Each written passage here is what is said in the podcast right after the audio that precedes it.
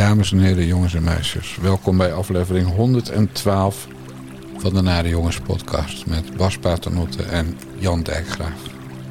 En het belooft vandaag een heel bijzondere uitzending te worden. Welkom Bas. Ik moet pissen. Ja, dat doe je normaal van tevoren. Echt man, dat beekje. Oh, echt, nou ja. Nou, ik zal hem weer wegdoen voor je dan. Uitgepist of moet je echt? Nee, het, eh, als ik dat beekje maar niet hoor, dan komt het wel goed. Nee, nou, ik zal het zo lang mogelijk inhouden, dat beekje. ja, maar dat is inderdaad de werking hè, van stromend water op eh, de man, het mannelijk lichaam. Ik weet niet Ja. of dat bij vrouwen ook zo is eigenlijk. Bas, we gaan een Veilhazen special doen. Dan weet jij wel met wie we gaan beginnen. Ja. Vandaag is het eh, rapport verschenen van eh, de Universiteit Utrecht. Het is voor het eerst dat er een, eh, een breed onafhankelijk wetenschappelijk onderzoek is naar de sociale veiligheid eh, van mensen in dit gebouw. En voor mij als voorzitter is het belangrijk om aan te geven dat ja, iedereen moet sociaal veilig zijn of haar werk kunnen doen. Dat is een, eh, een, een, een basisprincipe. En het raakt mij dan ook zeer dat een grote minderheid ja, dat niet zo ervaart, beleeft of ja, merkt. Schrok u van het rapport? Eh, ja. ja, kijk, ik heb natuurlijk niet voor niks het onderzoek geïnitieerd, omdat ik signalen kreeg. Eh, ja, en als je het dan leest, eh, ik heb het nogmaals niet helemaal gelezen, en je leest dan wat mensen ervaren, ja, dan raak je dat natuurlijk. En nu dat we weten wat er uit het onderzoek nu komt, ja, weten we ook waar we aan moeten werken met elkaar. En je ziet dan ook dat er op verschillende niveaus ambtelijk, politiek, in de wisselwerking echt werk te doen is. En nogmaals, een brede of een meerderheid voelt zich sociaal veilig, gelukkig. En dat is ook belangrijk. Maar dat ontslaat ons niet van de verplichting om te werken aan die sociale veiligheid van een grote minderheid die tussen wal en schip valt, die zich niet veilig voelt. Wat ik het mooi vind van dit rapport, het doel van dit rapport is om de sociale veiligheid te verbeteren. En vooral te weten van wat zijn nou de mechanismen en de systemen die daaronder liggen. Om daarvan te leren en om te kijken van hoe je het met elkaar beter kan doen. En dan zeg ik wel met respect voor ieder zijn rol en verantwoordelijkheid. Want als voorzitter ben ik natuurlijk niet verantwoordelijk voor wat er gebeurt in de fracties. Uh, dus daar ligt een verantwoordelijkheid voor de fracties. Dus ik hoop ook dat ze het rapport lezen. En we kunnen altijd kijken van of we uh, ondersteuning, uh, advies kunnen geven. Dus het is heel belangrijk dat iedereen zijn verantwoordelijkheid neemt. Ik ook. En ik ben zeer gemotiveerd om te kijken met alle aanbevelingen wat we daarin kunnen verbeteren. Moeten we niet gewoon opstappen? Dat zou het makkelijkste zijn. Net zoals het makkelijkste zou zijn geweest om het rapport om, om geen onderzoek te doen. Ja, want wat je niet weet, hoef je ook niet op te lossen. Nu ik weet wat er allemaal speelt, ben ik zeer gemotiveerd om het op te lossen. Nou, zeg het maar. Nou ja, ze blijkt zelf onderdeel te zijn van het probleem. dus uh, hoezo niet opstappen? Ja. Nou, dat snap je toch wel. Hoezo niet? Dit is, uh, dit is de politiek, dit is de Tweede Kamer, dit is D66, dit is de Rutte-doctrine, dit is de nieuwe bestuurscultuur. Ja. Dit is gewoon zodra bij John de Mol heel misschien iets aan de hand is, allemaal uh, hoog op het paard uh, klimmen om te gaan zeggen wat een schande het is. En wanneer bij DWDD er iets aan de hand is met Van Nieuwkerk, idem dito. En wanneer er iets is bij NOS Sport, idem dito. Maar zodra het dan uh, de club zelf betreft, ja, dan. Uh, ja, uh, nu we weten wat het probleem is, kunnen we eraan werken. En ja, het was, ja. Maar, het was maar een minderheidje. Joh. Het was maar 30% van de mensen die er last van had. Nee, maar wat je zegt, dat het John de Mol had dat moeten proberen, zeg. Ja. Uh, dat, uh, nee, ja, dit, maar ja, dit, dit, dit tekent natuurlijk Vera Bergkamp uh, ten, ten voeten uit. Ja, ze heeft, uh, eerst was de hele discussie, het was allemaal de schuld van Kadia Ariep. Nou ja, we zijn nu twee jaar verder. Vera Bergkamp is er twee jaar Kamervoorzitter. Maar het gaat onder haar, is, het, is het dus nog steeds een probleem. Ja, dat staat nu zwart op wit. Maar goed, kijk, iedereen heeft boter op hoofd. Want bijna alle partijen zitten in het presidium natuurlijk. En het hele presidium krijgt een verlangs. Hè. Het is ja. niet, alleen, niet alleen zij. Maar goed, uh, met al dat gekwezel over sociale veiligheid en zo. Wat ik trouwens ook nog opvallend vond, was... Ja, er wordt geroddeld. Er wordt geroddeld. Ja, waar niet. Er wordt geroddeld in ja. de Kamer. Ja, waar niet, hè?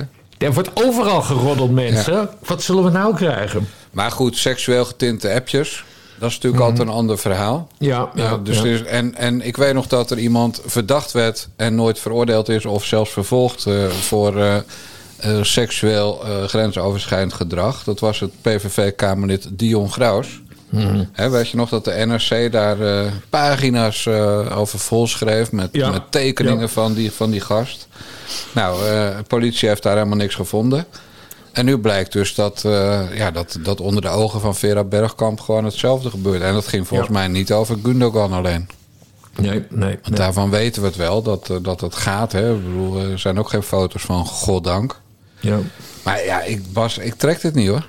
Dat, dat vreselijke hypocriete van, en van al die lui, hè, want het is natuurlijk niet alleen Vera Bergkamp, maar allemaal zodra er bij John de Mol iets was en bij De Wereld en bij eh, NOS Sport, eh, ja, dan staan ze allemaal vooraan met hun tweetjes over hoe schandalig het is en Ja. sociale veiligheid en oh, boe, boe, Yankee boe, zoals jij dat altijd zegt. En ze doen het gewoon zelf allemaal ook. Ja, ja. Maar ja, wat ik zei, iedereen heeft, iedereen heeft boter, boter op zijn hoofd. Behalve dan de partijen die niet in het, eh, Presidium in het presidium zitten. Eh, het- trouwens, dat zijn er ook niet eens zoveel. PvdA is er nu uit in ieder geval. Ik Denk dat er zit er niet. Nee, denk ze er ook in. Nou ja, goed. Eh, het maakt niet uit, omdat het over alle partijen gaat. Dus er gaat ook helemaal niks veranderen, denk ik. Nee, want ze hebben dan. Dit was een eerste reactie van Bergkamp, waarvan Mariette Hamer, de regeringscommissaris, tegen dit soort geneuzel. eh, gisteravond al zei van nou, dat is niet de de beste reactie waar ze mee had kunnen komen. Er had ook wel iets van verantwoordelijkheidsgevoel eh, bij kunnen zitten. Mariette Hamer, die trouwens nu het hele probleem in één dag heeft opgelost. Hè? Heb je dat ook meegekregen? Nee. Nou, die gaat allemaal artiesten inschakelen. eh, kunstenaars en zo. En, en, eh, en waaronder de zanger van Chef Special. En die andere namen ben ik alweer kwijt. Ja. Maar met die kunstenaars gaan ze nu het probleem aanpakken. Dus, dus ik, ik weet niet, gaan ze dan muziek maken met z'n allen? Dus in plaats van dat, dat Gundogan dan eh, iemand eh, tegen de kast zet en, afrost... gaan ze dan samen een liedje zingen met die jongen van Chef Special of zoiets, weet ik veel. Maar dat is weer, dat, ja, dat, dat gaat net als die influencers die toen werden ingeschakeld in de coronatijd, weet je wel, eh, Femke Louise en zo. Ja, heeft Hamer gezegd, nou, ik ga nu artiesten, en, en zangers, schilders, podiumartiesten, Lebbes en Jansen, whatever. Maar, maar dat is de oplossing. Om, om, om in het algemeen. Ja, eh, om dit, dit grote probleem aan te pakken. altijd, altijd die roep om BN'ers hun problemen op te lossen. Ja. Dat- dat- En ben jij gebeld, Bas Paternotte? Nee, maar ik ben ook geen BN'er. Nee, maar wel iemand voor wie ik mijn handen in het vuur steek... qua geen seksueel grensoverschrijdend gedrag. Want daar ben je veel te lui voor. Ja, te lui ook, ja, precies. Eh, ja, ja, bovendien kost ik daar te veel voor. Ik denk niet dat ze mij zouden kunnen betalen. Want als je voor de overheid dingen gaat doen... dan komt er ook een heel groot af, afbreukrisico bij kijken. Ja. Daarom was het ook zo dom dat ze zo'n Famke Louise hadden ingehuurd... voor, eh, voor, die, voor die coronatoestand toen. Omdat, omdat eh, ja, die, die, hele, die hele operatie is mislukt omdat die, die mevrouw van Louise, eh, die, die, ging opeens ook het, het, het, het kabinetsbeleid weer afvallen op het gebied van corona. Dus dat was allemaal heel domme georganiseerd. Je moet je gewoon, BN'ers moet je zo ver mogelijk weghouden Ja. van welk beleid dan ook. Dat, dat, eh, Wat doen we met Bergkamp? ik heb geen idee. Ja, wat is dat nou? Jij bent toch hier de politiek duider, de deskundige? Ja, maar het is, het is zo ingewikkeld. Omdat iemand zal dan de, iemand zal zijn vinger moeten opsteken en zeggen: we moeten van deze Kamervoorzitter af. Want ze, ze laat alles in het honderd lopen. Maar, dan, maar dan, dan, ja, dan breekt de pleuris uit, omdat ze dus allemaal boter op hun hoofd hebben. Dus eh, eigenlijk is Vera Bergkamp, denk ik, nu een soort Mark Rutte geworden. Je komt er gewoon nooit meer vanaf op deze manier. Nou, bij de volgende verkiezingen.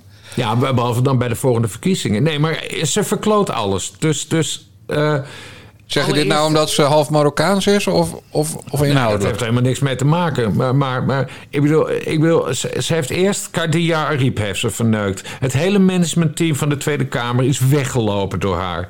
Eh, nu blijkt ze zelf ook gewoon schuldig te zijn aan, aan de elle- ellende die er heerst. Ze kan geen enkel debat kan ze normaal leiden. Nee, het is, ze, ze kan gewoon helemaal niets. Maar ja, omdat, omdat iedereen hier schuld heeft, kun je er niet wegsturen. Dus we zitten eraan vast, vrees ik. Wat trouwens nog wel grappig was, dat, dat ze één argument had wat John de Mol en Matthijs van Nieuwkerk en eh, die gasten van NOS Sport niet gebruikten.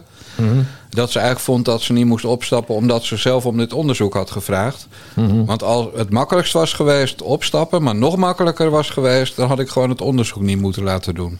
Ja. Dat doet ze een beetje alsof dat onderzoek echt haar eigen initiatief was. Maar dat onderzoek kwam er natuurlijk door de kwestie met Ariep. Ja. Dus en ja, dat de Kamer zelf er ook wel meer over wilde weten. Ja. ja, wat ik trouwens mensen aanraad die het allemaal niet gevolgd hebben. Je moet naar telegraaf.nl. Dan moet je even dat fragment van Bergkamp bekijken zonder geluid. En dan, zie je, dan denk je echt van, eh, is, dit, is dit een pop? Is dit nou wat AI doet? Dat ze een foto maken van iemand en, en er dan laten praten. Want het is weer die bekende konijn in de koplampenblik. Eh, maar het is ook een soort ja, vierkant gemaakt hoofd. Waar dan, waar dan oogjes in geplant zijn met, met heel weinig lelijke oogschaduw. Ja. Maar je ziet vooral, ja, wat het constant uitdrukt is, ik moet poepen. Ja. Dat is echt het enige wat je dan, ik moet poepen. Ja. Dan, dan, Ja, maar ze is, ze is sowieso is ze niet goed in openbaar optreden. Want dat zie je ook als je al die vergaderingen een beetje volgt. Eigenlijk heeft ze allemaal, allemaal soort tics. Heeft ze. Ze, ze, ze onderbreekt al per definitie op Dank het verkeerde moment. Dank u wel. Ja, precies. Eh, ze moet bij het minste geringste komt er een, een dom giecheltje uit. Hihi, hihi, hihi. Terwijl, dat- terwijl het helemaal nergens op slaat. Ze is, ze is gewoon sociaal totaal ongemakkelijk. Ze heeft nog steeds, kent ze niet alle namen van Kamerleden uit haar hoofd. nee, minister Van der Plas die heeft daar nog een leuk filmpje van gemaakt. Wat dan? Nou ja, die noemde ze minister Van der Wal. Oh, oké. Oh ja, dat was het. Ja, precies, precies. Als, ja, als recent voorbeeld dan, ja. En, en nee, dat, dat, dat, dat, is, dat, is, dat is gewoon een binde. Ik bedoel, we zijn twee jaar verder en ze, ze weet nog steeds niet hoe ze moet Kamervoorzitter. Zelfs, zelfs als een debat perfect verloopt... Dus dus eh, Forum voor Democratie begint niet eh rotzooi te trappen, bla bla bla. Eh, dan weet ze een opmerking te plaatsen waardoor het toch uit de hand loopt. Terwijl alles goed gaat. Nee, dat, is wel, dat is wel een gaaf hoor. Het zo weet te verneuken. Dat uh, tering. Moet je kunnen. hey, we gaan even naar eh, Geert Wilders. Want die heeft eindelijk een succesje geboekt bij het Openbaar Ministerie. Of weet je het niet? Oh, ik dacht dat er een fragment kwam. Nee? Ik, ik nam al een slokje, slokje te. mm. Nee, dit gaat over die. eh, eh, ja, er lopen een paar dingen. gebeurde er gisteren dubbel eh, maandag.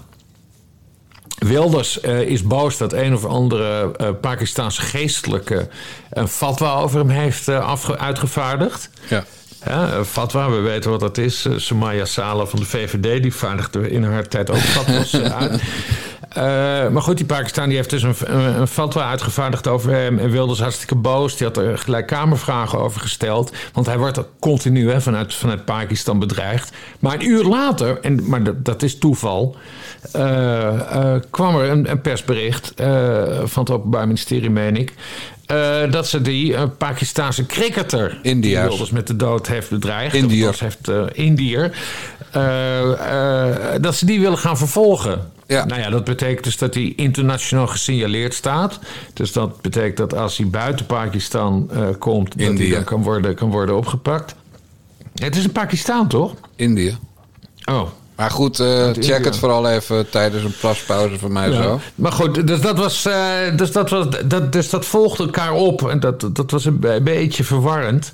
Omdat Wilders dus vooral heel boos is... dat met name die Pakistanen nooit vervolgd eh, worden. Maar nu hebben ze schijnbaar toch een haakje gevonden... zodat ze deze man uit India dus wel kunnen vervolgen. Mits hij... hè, want ze, ze roepen hem op, wilt u langskomen voor verhoor? Nou ja, ik denk niet dat die meneer in het vliegtuig stapt morgen. Nee, dat niet. Maar als, ik weet niet op welk niveau die hockeyt. Eh, ik ga even- Cricket. cricket. Wilders, India, cricketer. Cricket, cricket, ja. Kro- kro- Cricketter, cricket. Ik tik gewoon in Wilders cricket. Wilders. Je hebt gelijk. Pakistan. Pakistan wel? Ja. Ja, je hebt gelijk, joh. Mooi. Dit ga ik er allemaal uitknippen, dus. Oké, Ja, jij wil ook altijd ook er alles uitknippen. Dus dan ga ik dit er, dit er ook allemaal nee, uitknippen. prima. Eh, ja. Een famous Pakistani. Hij had 21.000 euro geboden voor het vermoorden van Wilders in 2018. Maar goed, de vraag is natuurlijk of die gast in nog een hele goede cricketer is... en in een land eh, gaat verblijven voor een toernooi om... eh, eh, wat een uitleveringsverdrag met Nederland heeft. Ja, Dus bijvoorbeeld Engeland is wel een cricketland. Als hij daar zou komen, Ja, dan moet hij dus gearresteerd worden. Ja, precies. Dus ik denk dat hij gewoon in Pakistan blijft. Ja, eh, natuurlijk. Blijft, eh, blijft Of een, eh, ze lijken toch allemaal op elkaar, die jongens. Dus dan neemt hij gewoon een ander paspoort mee. Ja, een paspoort van zijn broer. Precies, ja. Dus Ja, hij schijnt ook een hele goede eh, cricketer te zijn. Ja. Goed, dus de Indiase hockeyer is een Pakistaanse cricketer. Maar eh, grappig is wel dat, eh, eh, ja, dat, dat het OM eindelijk eens een keer het niet in de la flikkert. Zo'n aangifte van Wilders. Dat ze dan toch uit die stapel van duizenden aangiftes er opeens twee pakken die, waar, waar- waarin ze wel willen gaan vervolgen. Nou ja, kijk, ik snap wel dat ze niet iedereen kunnen vervolgen. Maar in het, in het geval van Wilders worden er echt heel veel mensen niet vervolgd. Omdat hij zo belachelijk veel be- bedreigingen krijgt.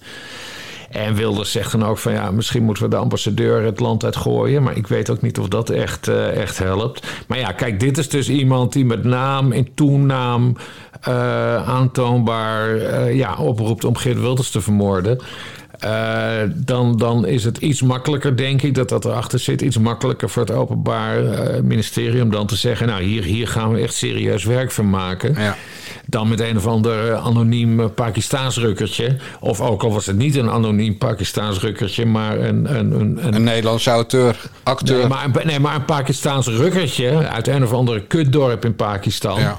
Eh, ja, nou ja, goed, dat, dat- uitge- uitgesloten. Dat, dat, dat kost miljoenen om een hele operatie op te zetten... om zo iemand hier naartoe te halen. Maar ja, dit is dus een bekende, een bekende cricket-Pakistaan. Ja, dus dan zien ze, vermoed ik, meer kans om... eh, om daar echt serieus iets mee te doen. En dan brengen ze dat dus gelijk naar buiten. Of, of en dan, dat is dan de, de, de kritische bas.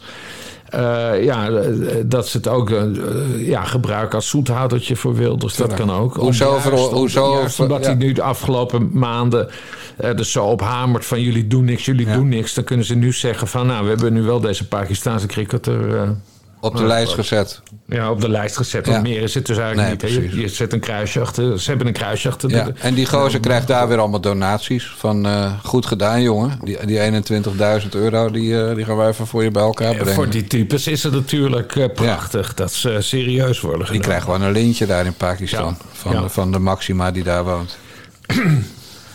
nou, mooi man. hey, dan eh moesten we het nog over Urgenda en zo hebben. Want ik begrijp dat, dat nu zelfs Chris Stoffer van de SGP... pislink is op eh, Frank Werenkind. De minister van D66 van rechtshandhaving, bescherming. Waar is die van? Ja, eh, minister voor, Voor, rechtsbescherming. minister Dus- zonder ambtenaren. Dus dan ben je minister zonder, oh, ja, minister zonder portefeuille. Dus Ja. dan ben je voor rechtsbescherming en niet van rechtsbescherming. Maar goed, er was iets aan de hand. Ik zit me echt helemaal kapot te hoesten. Het wordt tijd voor echte lente, maar goed. Zeker. Of Nee, eh, Bas, eh, ma- wacht, wacht, wacht, wacht. Ja.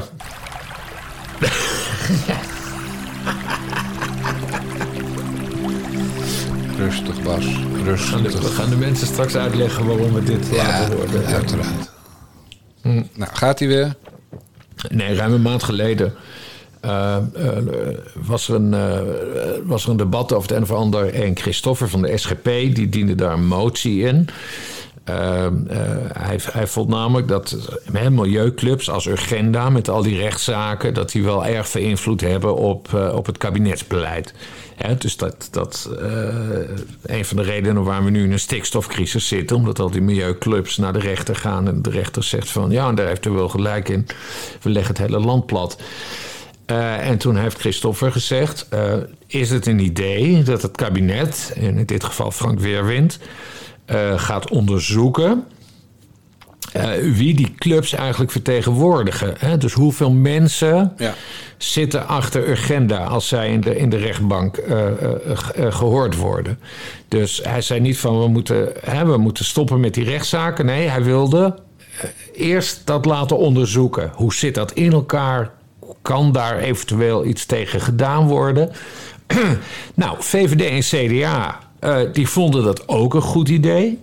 Dus dan heb je een Kamermeerderheid. Dus zij steunen dat voorstel van, de- van de SGP. En nu heeft maandag eh, Frank Weerwind van D66 een briefje naar de Kamer gestuurd van eh, nee, eh, we gaan dat, eh, ik ga dat onderzoek eh, ga ik, ga ik niet eens doen. Toegang tot de rechter is een groot goed, dus u zakt er maar in met uw Kamermeerderheid. Nou ja, ik vond het toch wel, wel opmerkelijk. Kijk, hè, een minister is niet verplicht om een motie uit te voeren met een, met een Kamermeerderheid. Dat hebben we ook gezien met Alexandra van Huffelen, die zich ja. daarna ontzettend in de problemen bracht met het, met het Europese identiteitsbewijs. Maar goed. Frank Weerwind mag dat zeggen: van ik ga deze motie niet uitvoeren. Maar ja, de VVD, Elian, zoon van het, het VVD-Kamerlid. Ja, die is, die is eigenlijk ook ontstemd. En Christoffer, die is ook ontstemd. En de net SGP notabene. Hij zegt van ja, ik vind, ik vind deze beantwoording ver onder de maat. En uh, we hebben om een inhoudelijk antwoord gevraagd uh, over deze motie. En nou ja, dat komt er dus niet, hè, want hij zegt eigenlijk van ja, nee, het is een groot goed, dit en dat, bladibla. En dan uh, concludeert Stoffer, ja, met deze reactie uh, schoffeert u het parlement. Nou ja, ik vind dat best wel een, uh, best wel een puntje eigenlijk. Ja, nou en waarom is het nou belangrijk? Omdat die organisaties naar de rechter stappen, bijvoorbeeld in het geval van klimaat, maar binnenkort ook over de waterkwaliteit. En die organisaties zeggen dan, meneer de rechter, wij vertegenwoordigen een belangrijk deel van de Nederlanders. Maar het kan best zijn dat het een stichtingsbestuur is. Dat bestaat uit één man. Bijvoorbeeld Johan Vollebroek. Ja. Uh, en dat die ene man zegt: Ja, ik vertegenwoordig heel veel Nederlanders. Maar dat dat helemaal niet waar hoeft te zijn. En, ja. en daar ging het onderzoek om. En een rechter neemt nou eenmaal de stichting uh, Huppel de Pub serieuzer dan meneer Vollebroek uit weet ik waar die, waar die gast woont. Ja. Want dan is het gewoon één particulier. En dan aan die particulier vraagt een rechter altijd: wat is uw persoonlijk belang? En als die man dan geen persoonlijk belang heeft, zegt de rechter: Nou, ik, u bent niet ontvankelijk. Ja. Dus het is heel belangrijk dat, uh, dat eigenlijk alleen organisaties, stichtingen, naar de rechter stappen. die echt een groot deel van de Nederlanders vertegenwoordigen. of die gewoon niet zeggen dat ze Nederlanders vertegenwoordigen. Ja. En hoe is nu de regel? Zodra in je statuten staat dat je de belangen van Nederlanders behartigt.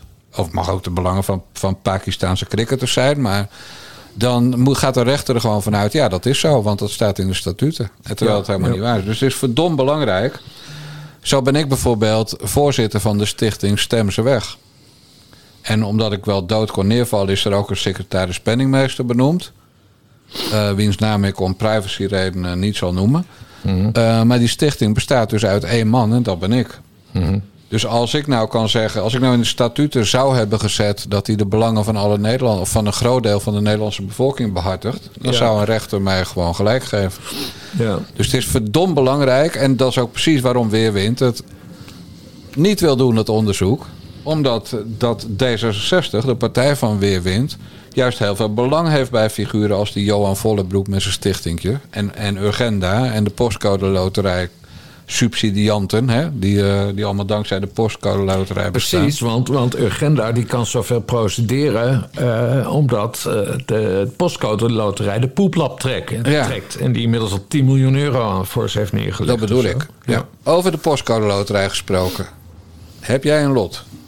Heeft Ja, mevrouw bij de staatsloterij. ja, dat is wat anders. Ja. Dat is minder erg. Maar de de postcode loterij is natuurlijk crimineel.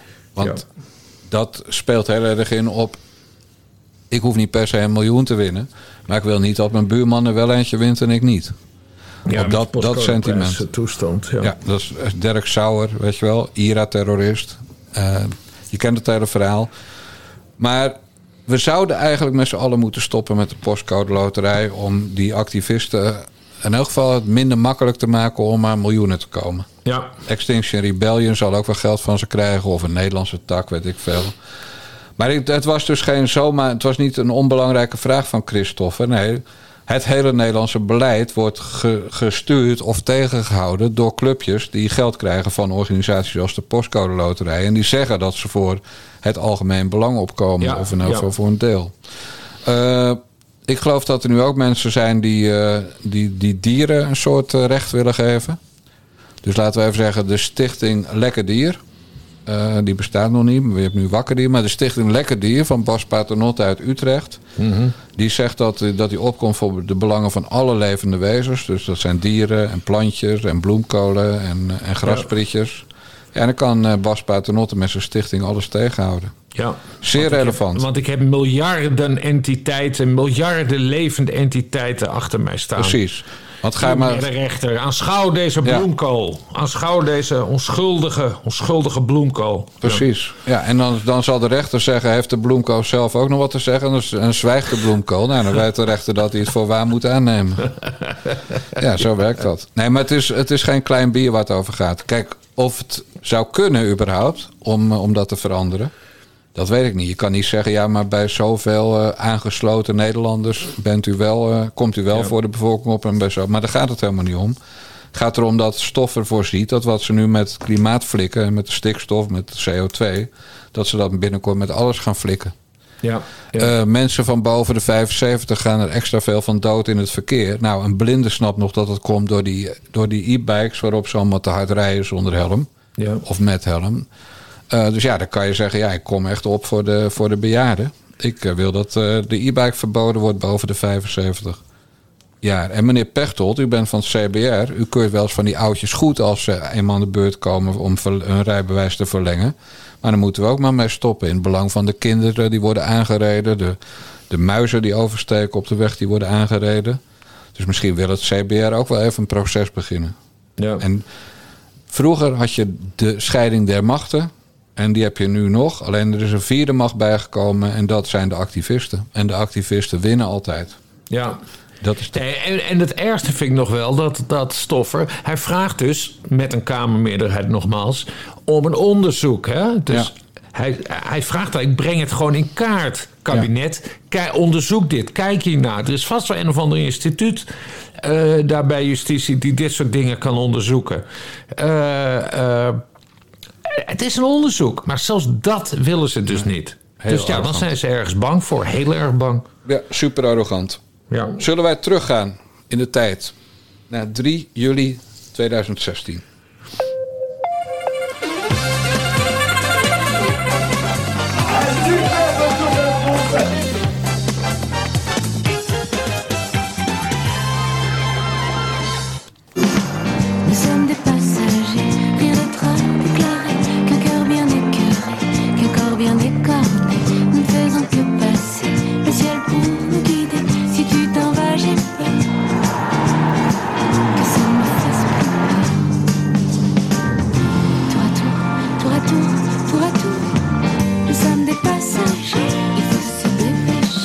France 2016 is begonnen langs de kust van Normandie. En er is nu al veel om over te praten. En dat doen we met Rob Harmeling, Danny Nelissen en Marijn de Vries.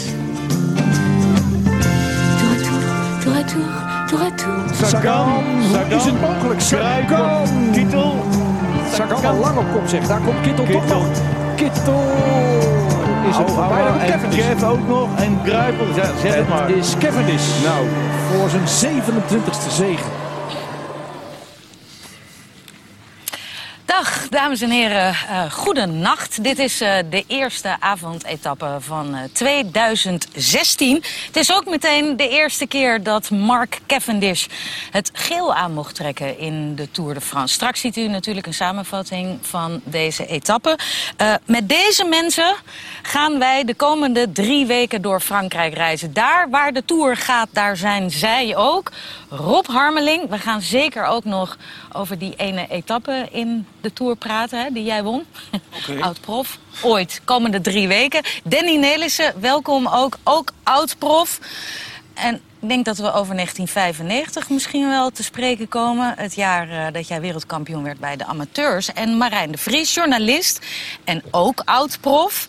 Eh, maar jij bent net gestopt. Daar gaan we het ook zeker over hebben. Maar nu eerst even Mark Cavendish. Heel veel mensen, Marijn, hadden hem al afgeschreven. Hoorde jij daar eigenlijk bij? Nou ja, ik moet wel eerlijk zeggen dat ik me vooral op, op Kittel en Gruipel had gefocust eh, voor deze etappe. En ja, hij kwam voor mij ook wel een beetje als een verrassing, maar wel een hele mooie verrassing. Kortom, ze weten geen klote van. Eh, dit was de eerste uitzending van de avondetappe van het seizoen 2016 van, eh, bij de Tour de France. En dat is natuurlijk waar Danny Nelissen, eh, die daar met Marijn de Vries eh, zeg maar de deskundige aan tafel vormde. Waar Danny Nelissen allemaal dingen had gezegd over hoeveel vrouwen die had geneukt en wie die allemaal nog ging neuken. Ja. En volgens Thijs Sonneveld ook dat die, dat die Marijn de Vries ook wel wilde neuken, want die had een goede beurt nodig. Nou, dat soort taal zeg maar, ja, dat je weer even panoramaredactie voelde. Van Ja. zeg maar, de tijd dat wij zeiden, wat, wat een plebs, wat een plebeiers eh, zitten hier allemaal. Ze hebben het alleen maar over dit soort dingen.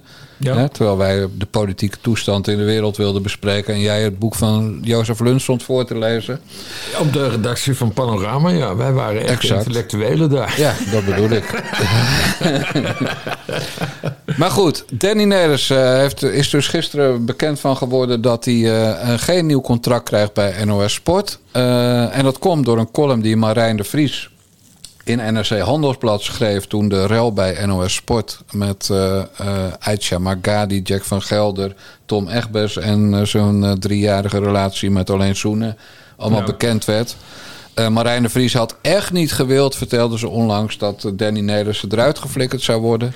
Was echt allemaal niet nodig geweest. Kortom, eh, ze trok haar keutel een beetje in. Wat weer erg jammer was. Ja. Dan moet je gewoon ook achter je column blijven staan. Maar Bas Paternotte, een van de nare jongens, en jij was het niet, heeft vandaag ontdekt waarom Marijn de Vries haar keutel heeft ingetrokken. Vertel Jan Dijkgraaf. De pot verwijt in dit geval de ketel. Kijk eens aan wat is er gebeurd. Heeft Ik- ze zich vergrepen aan een medewerker van NOS Sport? Ik ga voorlezen. Ik weet dat ik een kutstem heb. Het is een lang stuk, maar ik ga wel voorlezen. Leuk, Jij bent leuk. bekend met Fabio Canzarella, Kanselara. Ja. Cancellara, een bekend wielrenner uit Zwitserland. Klopt hè, allemaal? ja, klopt. Allemaal. ja. ja, ja, En het begin van, eh, van dit decennium een grootheid. Ja. En die kreeg post van Marijn de Vries. En die post ging als volgt. Lieve Fabian, oh wat had ik graag in je oor gezeten... toen je gisteravond bij Carl van Nieuwkerken... de Vlaamse evenknie van Mart Smeets aan tafel zat. Wat had ik je graag zoete woordjes toegefluisterd... of op zijn minst de zinnen van de tafelgasten... zo zwoel mogelijk vertaald. Even tussendoor, Bas. Een man als Danny Nelers, hè, een jongen van de straat... zou je zeggen, wat had ik je graag willen neuken. Ja. Maar we gaan verder.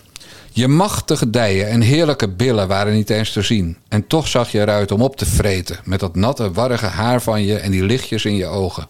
En wat luister je heerlijk. Meestal zien we je niet luisteren omdat je in interviews altijd zelf aan het woord bent.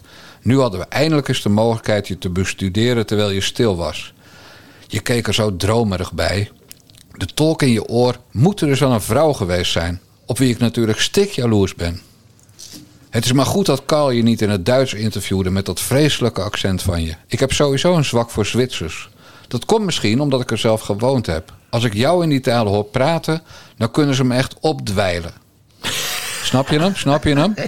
Ja, oké. We gaan door. Het wordt glibberig. We gaan door. Oké, ik moet misschien niet zo seksistisch zijn, want het gaat tenslotte niet om je dijen, maar om de sport. En och, dat doe je zo goed. Je zit schitterend op je tijdritfiets. Zo stil, alleen je kontje kwispelt en je machtige benen draaien. Een lust voor het oog. En zoals je erover praat, tijdrijden is de gruwelijkste vorm van marteling sinds het vierendelen in de middeleeuwen, maar jij spreekt er slechts in poëtische zinnen over. Hoe je in je eigen tunnel zit, hoe je de wereld om je heen vergeet en hoe alleen jij je fiets en de weg tellen. Nou wordt hij nog kleffer hoor. Weet je dat ik je fiets heb aangeraakt? Die ene, waarop je in Mendrisio wereldkampioen werd. Ik werkte bij Holland Sport en het was me weer niet gelukt jou zelf naar de studio te halen. Je fiets kwam wel. Eerbiedig streelde ik de glanzend rode lak en aaide ik even over je zadel. En daarna. Ik weet wel dat het heiligschennis is, maar ik ben gezwicht. Ik heb er ook even op gezeten. Je benen zijn bijna even lang als die van mij. Ja, ik heb lange benen. Zadelhoogte 77, dan weet jij genoeg. Je romp is een stuk langer. Ik moest me helemaal uitstrekken om te kunnen liggen op jouw stuur. Hoe vaak ik bij Holland Sport niet met jouw persvoorlichters heb gebeld om te vragen of we eens een filmpje mochten komen maken. Maar nee, dat was ons niet gegeven. Tenminste, niet toen ik er werkte. Want zo gaan die dingen. Ik was nog maar net fulltime wielrenner geworden. Of Wilfried de Jong reisde naar je af om je uitgebreid te spreken voor zo'n documentaire over Parijs-Roubaix. Pesterig stuurde hij me een fotootje van jou op de massagetafel. Je benen waren bloot. En hij zat ernaast. Je begrijpt inmiddels dat het onvermijdelijk is. Alles wat zich tot vandaag heeft afgespeeld was slechts voorspel. Onze levens gaan elkaar kruisen, vroeger of later. Dus laat ik er niet omheen draaien. Heb je ooit iemand nodig die je oor fluistert, in welke taal dan ook, dan weet je me te vinden. Marijn. Nou, dat is gewoon porno. Ja. En op het moment dat jij tegenwoordig, hè, dit was 2012, maar stel dat iemand dit naar jou stuurt in een appje. Ja. Ja, die gaat, die gaat linea recta de straat op. Ontslag Ja. op staande voet. Ja. Seksueel, over grensoverschrijdend gedrag. Ja, ik zou, ik zou je nog wat anders vertellen. Even een heel klein denkexperiment gaan we doen. Eh, verander die naam eh, van Cancellara in Annemiek van Vleuten. Haal de naam van de auteur Marijn de Vries weg en verander die in Bas Paternotte. En dan wil je niet weten hoe snel ik gecanceld moet worden als oude viespeuk van middelbare leeftijd. Marijn de Vries is trouwens twee jaar jonger dan ik, hè? Ja, ja die is gewoon een oud Dus, wijf. dus, dus het is niet een of ander jong meisje die hier loopt te geilen op Nee. een wielrenner. Nee, dit is gewoon een... Ze eh, was toen gewoon 35. Ja, oké, oké, want de column is natuurlijk oud. 2012. Ja, ja. Maar, ik vind het wel een goed, eh, een goed experiment morgen. Ik geef jou het briefje van Jan. En eh, het wordt morgen gewoon een briefje van Bas. Ja. En ik knip en plak dit ding eventjes anders. Wil je Annemiek van Vleuten of liever Mariette Hamer? Nee, Annemiek van Vleuten. Want Dan- dat is de beste vergelijking. Stel je voor dat iemand, dat iemand dat echt zou, zou opschrijven over Annemiek van Vleuten. Nou, dan, dan, dan, dan, word, je, dan word je uit Hilversum gejaagd. Of Ja. uit, uit de Nou kolonne ja, gejaagd. dit gaat dus morgen iemand over opschrijven. En dat ben jij. In het briefje van Jan. Heel goed, heel goed. Er komt gewoon morgen een brief van Bas. Aan Annemiek van. Vleuten. En dan heb jij het over eh, dat je graag in de oren had gezeten. Over haar machtige dijen en heerlijke billen. Dat, je, dat ze eruit ziet om erop te vreten met dat natte, warrige haar van haar en die dat ik lichtjes de in de zadel heb aangeraakt. En, er En er stiekem op ben gaan zitten. En dat ze je toen konden opdwijlen. Bas? Precies. Nee, een goed idee. En makkelijk voor mij. Want dat is vijf minuten werk in plaats van anderhalf uur. Dus, eh, Nou, en een linkje naar de podcast erbij, zodat de mensen ook de ontstaansgeschiedenis van de ja, want dat krijg je natuurlijk weer van Echt. Dijkgraaf. Waarom ben je er zelf niet? Waarom schrijft Bas dat briefje? Luie flikker. Waarom, Ja, ja, en ja. waarom meteen dat seksistische gedoe van die maar je, mooi, het is een mooi, mooi experiment, toch? en dan zeggen ze ook nog, sinds wanneer laat jij mensen van D66 toe op jouw website? Ja, ja, Weet je, nee, dan krijg je, dat. oh, wat wordt het een hoop gezeik. Maar dat geeft niet. Nee, maar zie, want ik vind, het, ik, vind het, ik vind het zelf namelijk helemaal niet erg dat zij zo'n column schrijft. Dat ze, hè, want ze glibbert, ze, ze, ze glijdt gewoon helemaal weg op die kanselara. Dat, Ja. dat, dat blijkt uit alles. Maar ik vind het helemaal niet erg. Ik vind het juist grappig dat ze dat zo opschrijft. Maar, dan, dan, maar in haar geval wordt het nu dus wel interessant, omdat die Danny Nelissen. Hetzelfde tegen haar zei, maar dan in dat boerentaaltje van hem. Eh, precies, hè? Danny Nelissen. Het lekkere wijf wat neuken was. Eh, en ja, dus nee, daar zit wel een zekere dubbelheid in. Maar ik weet niet of ik haar iets moet verwijten. Moeten we Marijn de Vries iets verwijten? Of moeten wij, Nou, moeten wij deze maatschappij iets verwijten? Ja, dat is dus ook sowieso. de reden waarom ze ging terugkrabbelen Ja, natuurlijk. nee, maar dat natuurlijk sowieso. Ze heeft zes, zeven jaar gewacht met het bekendmaken van wat er toen gebeurd is in die tour. Hè? Toen heeft ze in die NRC-column gezet. De mensen die haar nu verdedigen dat ze Danny Nederse eruit heeft genaaid. Wat hij natuurlijk uiteindelijk zelf heeft gedaan door zijn gedrag. Maar mensen die haar verdedigen zeggen dan... ja, maar dus zijn naam staat er niet in. Nee, dat is net als dat je zegt... eh, nou, het was een van de nare jongens... En het was die dik uit Utrecht niet. Nou ja, dan denk ik dat ze dan die klein uit Eestigen allemaal wel raden, Ja, toch? Of ja. niet? Dus, Ja. dus dat sloeg ook nergens op. Maar het is vooral dat, dat, ja, dat, dat zeg nou gewoon, ik ben een pislink op Danny Nedersen. Zijn baas hebben toen niet ingegrepen. Nu kan ik hem mooi eruit naaien en dan neem ik even wraak voor toen. Dat is gewoon, want hij heeft me ook nog handel gekost, want de NOS schakelde me niet meer in. Dat is gewoon eerlijk. En het is tegelijkertijd ook raak op de NOS, hè? Omdat zij Ja, dus, precies. eh, ja, daarom. Ja, dus dat, dat eh, zou. ja. Maar dat, dat huigelachtige. Nee, het was niet Marijn's bedoeling dat Danny gestraft zou worden. Nee, Nee. natuurlijk was dat het gevolg. Als je dat van tevoren weet, dan is het niet je bedoeling. Maar het is wel het resultaat van je gedrag. Ja. Dus dat is gewoon hartstikke fout. Maar goed, alle credits dus voor HP de tijd. En, en het is ook raar dat jij het niet weet van deze column. Want ik was toen tu- natuurlijk alweer een jaartje weg. Maar jij zat er toen nog, denk ik, 2012. Ja, maar ik... ik Het is dus een collega van je geweest, Bas Paternotte. Ja, nee, ja, ik... Hebben jullie nog eh, iets met dijen gedaan en eh, gedwijld? En... Och, och, och, nu wordt het, nu wordt het helemaal ranzig. Maar ja, ik zit nu te kijken, keek ze misschien raar naar mij? Nee, maar goed, ze, ze was, ze was columnist, dus kwam niet op de redactie. Nee, ze woont in Zwolle, dus eh, dat is veel te ver ook. Ja. en jij was ook niet echt iemand die graag buiten kwam in die tijd. Nee, daarom. Zeg maar nooit. Maar goed, Eh, tot zover dus Danny Nedersen. Ja, Danny, ik ben gewoon een sukkel. Want, want als je het gewoon een beetje zogenaamd literair opschrijft in een eh, maand of weekblad, kom je ermee weg. Ja. Dus hij had niet moeten zeggen, ik, heb al die lekkere, ik was lekkere wijf van het neuken. Hij had moeten zeggen, nee, ik, ik, ik, ik, rook, ik rook aan het zadel en raakte in vervoering. Ja. En zo, zo had hij het moeten brengen. Er was helemaal dus niks aan de hand geweest. Nee, dat is gewoon Nee. veel te ordinair. Nou goed, de volgende. Ik, Mevrouw Eigma? Ja, voorzitter, dit. ehm, soms is het ingewikkeld om het eens te worden over de werkelijkheid. Dat is soms best ingewikkeld. En daarom is er een onderzoek uitgezet door Deloitte. En uit dat onderzoek blijkt dat functionaris 2 van VWS een akkoord geeft op de orders en verzoekt het in orde te maken. Op 840, dan zien we op 782, 858, 862. Wat er allemaal gebeurt vervolgens met de opmerking betalingsovereenkomst overruled door VWS, geen creditcheck gedaan en VWS accepteert risico met betrekking tot creditcheck. Wie, aan wie zijn functionaris 2 van VWS en functionaris 4 van VWS die de deal in orde laten maken? Aan wie zijn ze onderhorig? Is dat de minister van VWS geweest of de minister van L, L, LZH, weet ik veel wat we toen hadden? Medische zorg en toestanden. Eh, wie? Dank u wel. Dank u wel. Wie is hier, verant, wie is hier verantwoordelijk? Ze zaten daar niet op hun uppie. Er waren toch niet twee VWS'ers die verdwaald raakten in Nederland... en Leusden terechtkwamen en toen aan het tafeltje daar zaten. En toen dachten ja, sorry voorzitter, maar het is de, de zotheid. Het is soms moeilijk om het eens te worden over de werkelijkheid... maar het staat zwart op wit in het onderzoek wat we hebben laten doen. Vraag is helder. Ik, Wie?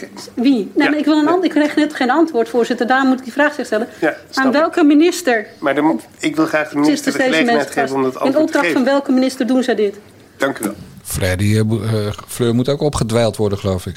Ja, dit is uit eh, een fragment wat ik heb geknipt uit dat befaamde debat van 21 december vorig jaar. eh, over de mondkapjesdeal. Eh, even een hele korte beschrijving van wat er aan de hand was. Eh, Fleur Agema eh, zat daar, de rest van de Kamercommissie Volksgezondheid. En Connie Helder, want zij, en daar komen we straks op, zij is nu eigenlijk verantwoordelijk, denken we, voor de afhandeling van de hele, hele mondkapjesaffaire. Eh, het is ook het befaamde debat eh, waar een deel van de Kamer wilde dat Hugo de Jonge langskwam. En eh, uiteindelijk kwam die toch niet. En toen is Fleur Agema boos weggelopen. Caroline van der Plas is boos weggelopen. Vorm is volgens mij boos weggelopen. Het was hoe dan ook een heel tumultueus debat. En het, het ging dus vooral over, over verantwoordelijkheid voor de mondkapjesdeal. Eh, en wie daar nu verantwoordelijk voor is. Nou, eh, uit dat Deloitte-rapport, eh, wat even ter sprake kwam, wordt dus niet volledig duidelijk dat Hugo, Hugo de Jonge 100% verantwoordelijk is voor die deal met Siewert. Eh, daarna kwam de vraag wie, is er, eh, wie was er dan wel formeel eh, verantwoordelijk. Nou, inmiddels is na lang aandringen en ook schriftelijke Kamervragen... is die vraag beantwoord. En dat, is, dat was van Rijn, Partij Ja. van de Arbeid... is formeel verantwoordelijk voor de mondkapjesdeal. Dus Hugo de Jonge was er niet. Nee, Martin van Rijn van de PvdA. En die is eh, eh, eigenlijk dus voor de bus gegooid. eh, Als dank voor zijn invalbeurt. Als dank voor zijn invalbeurt tijdens de coronacrisis. Wat trouwens ook weer een hele andere discussie is. Ja. Maar goed, Fleur Agema die is hier dus al maanden mee bezig. Nou, die beantwoording dat Van Rijn dus eigenlijk verantwoordelijk is. Die is nu eh, wel. eh, een maand oud of zo. Ja, ja, ik zei al, het gaat wel een beetje lang duren.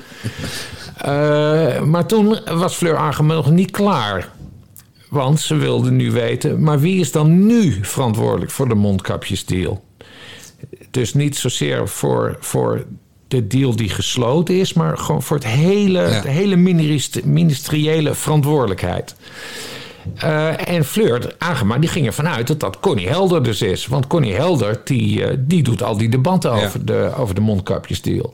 Dus Connie Helder die schreef onlangs... eh, nee hoor, ik ben dat niet. Ik ben slechts een, een VVD-twijgje in een, in een beslisboom... vol grote CDA, PvdA en D66-takken.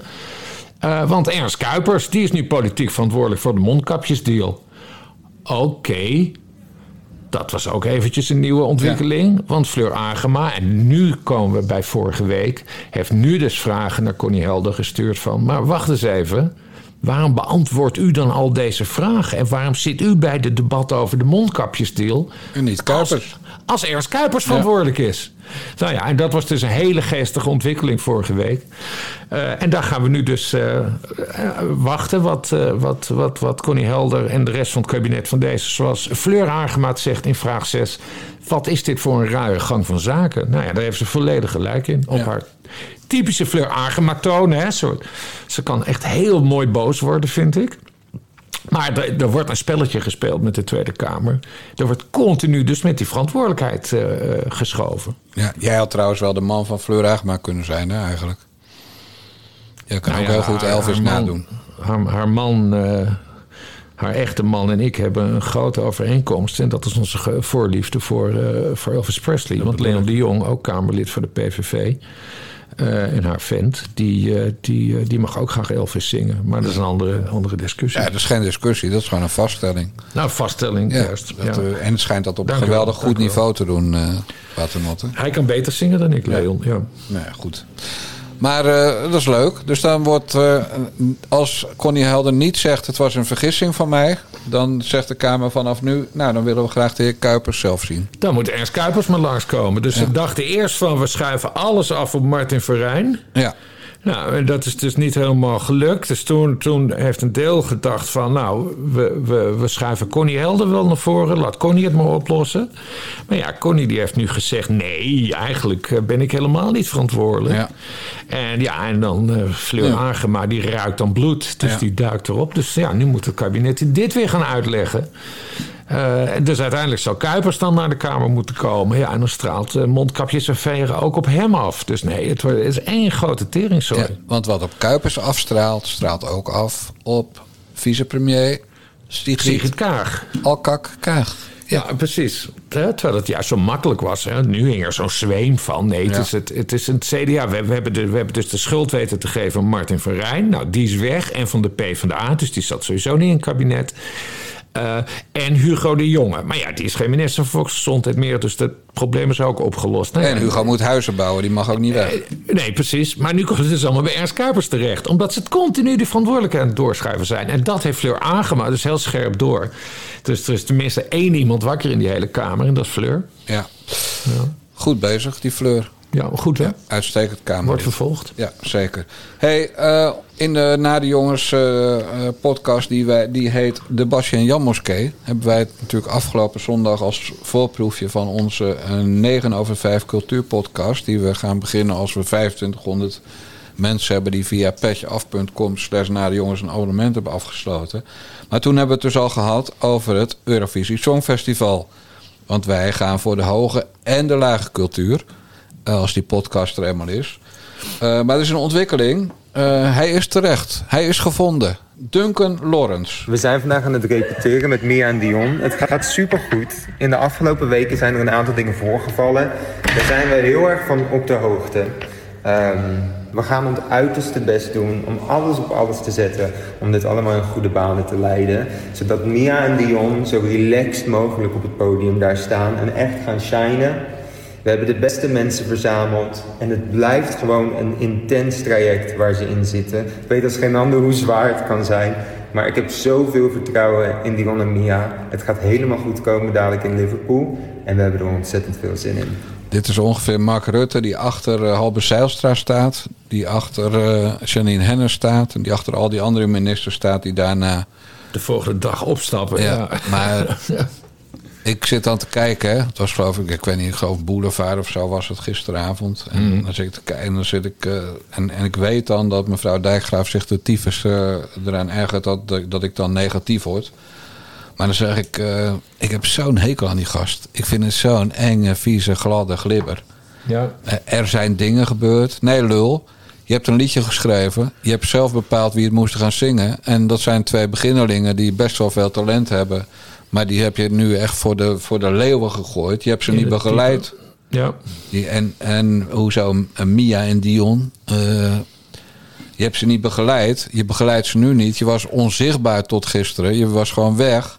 En je bent de komende tijd ook onzichtbaar voor ze als coach. Omdat je zelf ook moet gaan optreden in Liverpool. En jij dan wel op de finale avond. Ja. En dan nu even, oh nee, we doen allemaal zo ons best. Alle vertrouwen in. Wat mij opviel, ik heb dat filmpje gezien wat hij dus had opgenomen. Het had gewoon opgenomen van zijn telefoon. Maar Tuurlijk. daar, daar sprak ook qua lichaamshouding zoveel uit. Want Ja. hij keek de hele tijd over zijn schouders. Ja. Zag je dat? Alsof hij, alsof hij betrapt kon worden of zo. Het was heel raar, Heel gek, ja. heel gek vreemd, vreemd filmpje. Ja, mensen zeiden ook, goh, hij is in Nederland. En waarschijnlijk kijkt hij naar die andere twee. Maar niemand weet dat ook. Maar het was zo kansloos. En er kwam er natuurlijk bij dat Cornald Maas, die, die enge, enge, vieze pisnicht. Hè? Ik ken ook Ja. heel veel leuke nichten. Hè? Dus voor we het weer homofobie gaan roepen. Maar dat vind ik echt zo'n enge, vieze, gladde glibber. En weet je waarom? Omdat hij ooit Willem Ruis beledigd heeft. En dan Oh, ben je gewoon klaar. Willem Ruis gezegd dan? Ja, dat weet ik niet meer. Mijn geheugen is kut. Jezus, Dijkgraaf. Ja, maar ik heb, toen, ik heb toen een stukje over hem geschreven en toen, toen heeft hij me geblokt. Dus daarom weet ik nog dat er iets was, maar ik weet niet meer wat. Maar het ging over Willem Ruis. Oké. En maar, of misschien was het wel dat hij een docu maakte waarin de vrouw van Willem Ruis, Willem Ruis helemaal karakter mo- vermoordde, weet je wel, zoiets. Ja. Maar in elk geval, die Cornald Maas, die denkt echt die Jezus is. Maar die wil natuurlijk in het gevlei blijven bij Duncan Lawrence. Dus er komen er 400 liedjes, waarvan eentje van Duncan Lawrence. Ja, Duncan is de beste hoor, echt de beste. Heb jij nog artiesten? eh, Of we, we denken dan misschien aan die. Nee, nee, zegt Duncan, ik wil Mia en Dion, want die zitten bij hetzelfde label als ik. En die ga ik groot maken wereldwijd. Ja. Oké, oké, oké. Nou, dan, dus dan, dan staan er. Ja, dan gaan we gewoon af in de halve finale. We worden gewoon twee na laatste in de halve finale of zo. Ja. En, maar die Conrad, Cornald Maas, die is, die is dus uit zijn plaat gegaan. omdat zondag journalisten voor zijn deur zouden hebben gestaan in Amsterdam. Ja. om hem te interviewen over de- al deze ellende. Nou, ja, en hij, 6. Van Precies. SBS6, En hij eh, zegt dan dat ja. die journalisten niet eens van tevoren contact hadden opgenomen. Nou, de andere kant van het verhaal, en dat is ongetwijfeld de waarheid, is natuurlijk dat ze duizend keer hebben geprobeerd te bellen en te appen. En dat ze toen uiteindelijk met een cameraatje naar zijn huis zijn gegaan, hebben aangebeld en hebben gevraagd of ze een vraag mochten stellen. En toen die nee zei, hebben ze niet gefilmd. Ja, ja. Nou, en toen Och, wilde en, die- Hij is boos. Hij, is, hij vindt Ja. het schandalig dat, dat, Dat, journalisten hun werk doen. werk doen. Ja. En, dan, en dan dreigen met, en dat doet hij samen met Avrotros, dreigen dat SBS dan de accreditatie voor het Songfestival kwijtraakt. Ja, en dat, dat vind ik dus nog het allerergste. Dus dat is ook gewoon... gewoon, gewoon eh, Broodroof. Ja, ja, broodroof, eh, dreigen met eh, censuur, beknotten van de vrije, vrije pers. En sowieso, dat vraag ik me af, van, ik ben dat even gaan uitzoeken, van wie de fuck heeft bepaald dat Cornel Maas opeens de baas is? die die al gast 100 zit dus, die zit dus al sinds 2013 Ja. in de selectiecommissie voor het, eh, voor het Songfestival, hè? Dus dat is al meer dan tien jaar. En daar, daar is nul democratische controle op. Is er ooit, ooit een keer een kijkersvraag geweest of zo? Dat, dat, we, op, dat we konden zeggen, Cornel Maas die moet dit allemaal gaan regelen. Ik wil helemaal niet dat Cornel Maas dit gaat regelen. Weet je wat Bas Paternotte wil? Die wil dat Dries Rolfink naar het Eurovisie Songfestival gaat. En iets zegt mij dat dat nooit gaat gebeuren... zolang er van die, van die types als Cornel Maas daar de dienst uit maken. Ongekozen. Nee, ik vind het heel erg. En ik hoop, ik hoop echt ook, hè, want dit straalt ook negatief af op, eh De op moedige vorst. Oh, dacht de moedige vorst. Of wie meer? Op? De moedige vorst. Nee, dat, dat ook. De, de, de moedige vorst en de hele natie durf ik wel Ja. te zeggen. Maar nee, het straalt ook negatief uit op de Afro-Tros. Dat zij schijnbaar eh, eh, ja, de, de leiding eh, over het Eurovisie Songfestival... in, in de handen hebben geduwd van, van, een, van een tot dictator ontwikkelde Cornel Maas, zeg. Die de vrije pers in Nederland wenst te beknotten... omdat er bij meneer de grote Cornel Maas op zondagochtend wordt aangebeld. Wat zullen we nou krijgen, zeg? Nee, eh, Cor- hier, eh, hier is het laatste woord nog niet over gesproken. En die Cornel Maas is een serieus probleem voor het Songfestival, hoor. Daar moet moeten we vanaf. Daar moeten we vanaf, zeg je Ja. gewoon. Ik Ja. vind dat niet wat ver gaan. Functie elders voor Cornel Maas. Schrijf dat maar op, eh Media Courant, als je luistert. Media Courant luistert altijd, Bas. Ja, weet ik. Maar functie elders is niet hard genoeg om daar de koppen te halen, hoor. Dus dat moet... Wat dacht je zelf aan? Vieren, delen, verzuipen. Ja, ja, ja, nou ja, goed. Eh, Nee, maar het deugt toch niet? En dat hij dan ook de schuld aan de pers gaat geven. Terwijl hij zelf eh, zich uitgeeft als journalist. Ja, maar meneer maakt zelf wel uit of hij een statement geeft en op welke manier en waar. En dat is natuurlijk in principe ook zo. Maar dan ga je mensen niet hun accreditatie afnemen. Nee. Het gaat veel. En, en bovendien, hij gedraagt zich ook af en toe als een soort journalistentype. Hè? Ja, dat Eh, bedoel ik, ja. Dan ga je, toch, ga je toch niet zeggen: het is een schandaal dat je bij mensen aanbelt. Nee, het aanbellen staat vrij. Wat, je, wat wel schandalig zou zijn, is als SBS dan stiekem filmt of zo. Of Ja. gewoon naar binnen hem wegduwt. Hè, want het is toch een, het is toch een, een weg te blazen, dat ventje. Dat SBS Ja. hem dan wegduwt en zegt: Wij gaan gewoon naar binnen, Cornel Maas. en jij doet voor ons een koffie. Ja. En, dan, en dat is een latte met havermelk, want we drinken geen echte melk. Normaal wel hoor, we drinken gewoon bier. Maar nu we in de grachtengordel zijn, nee, nu willen we gewoon latten. Ja, Latte met havermelk. Ja, Ja. ja, ja. En geen zoetje, want zoetjes zijn ook suiker.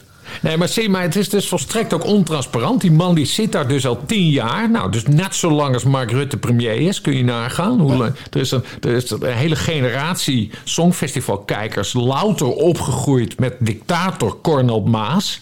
Ik vind dat een zeer ongezonde situatie. Ja, en wie noemt trouwens zijn kind Cornel Maast? Cornel dan, dat had je toch toen al kunnen weten. Ja.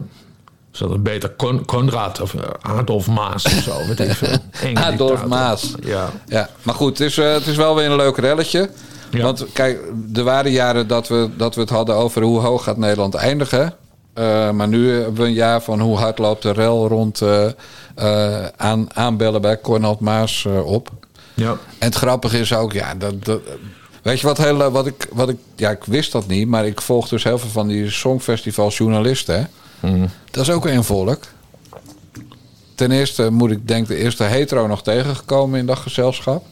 Maar die journalisten zitten nog helemaal in de sfeer wat je ook wel bij sportjournalisten ziet.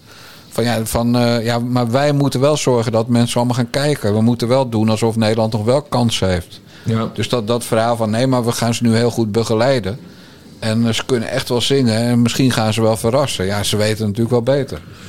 Ja, nou ja, goed, kijk, het, het, het is allemaal wel een beetje het, het, doucheputje van, eh, van de verslaggeving. Dat zijn parlementair verslaggevers, wat ik ben geweest, sportverslaggevers en verslaggevers van, eh, van het Songfestival.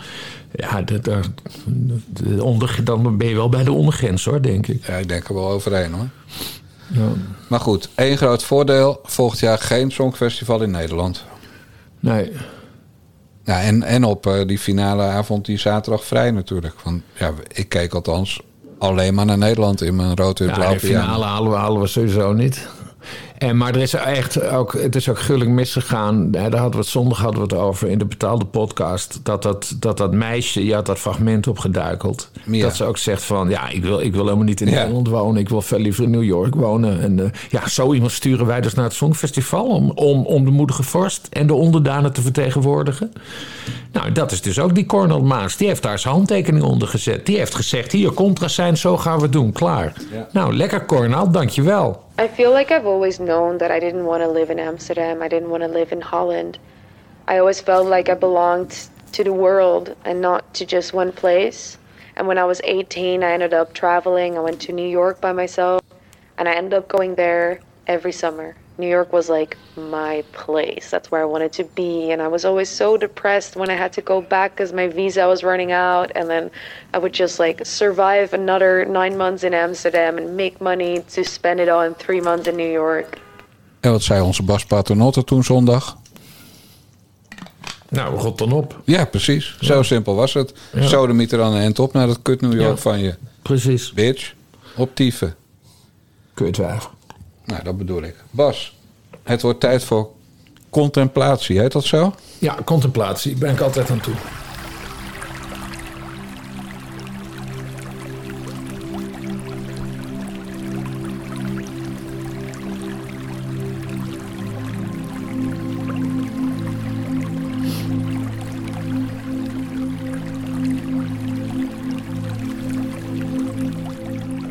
Ik moest voor iets eh, een oud Volkshand eh, knipsel eh, opzoeken. Van 20 mei 2010. En daar zei Bas Paternotte. Ik ga hem even opzoeken.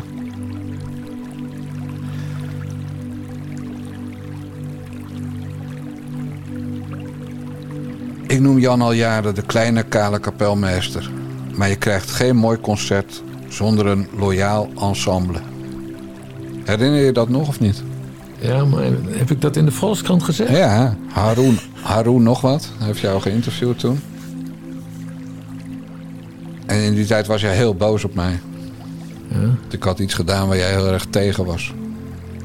Ja, de politiek ingegaan of wat? Nee, 2010.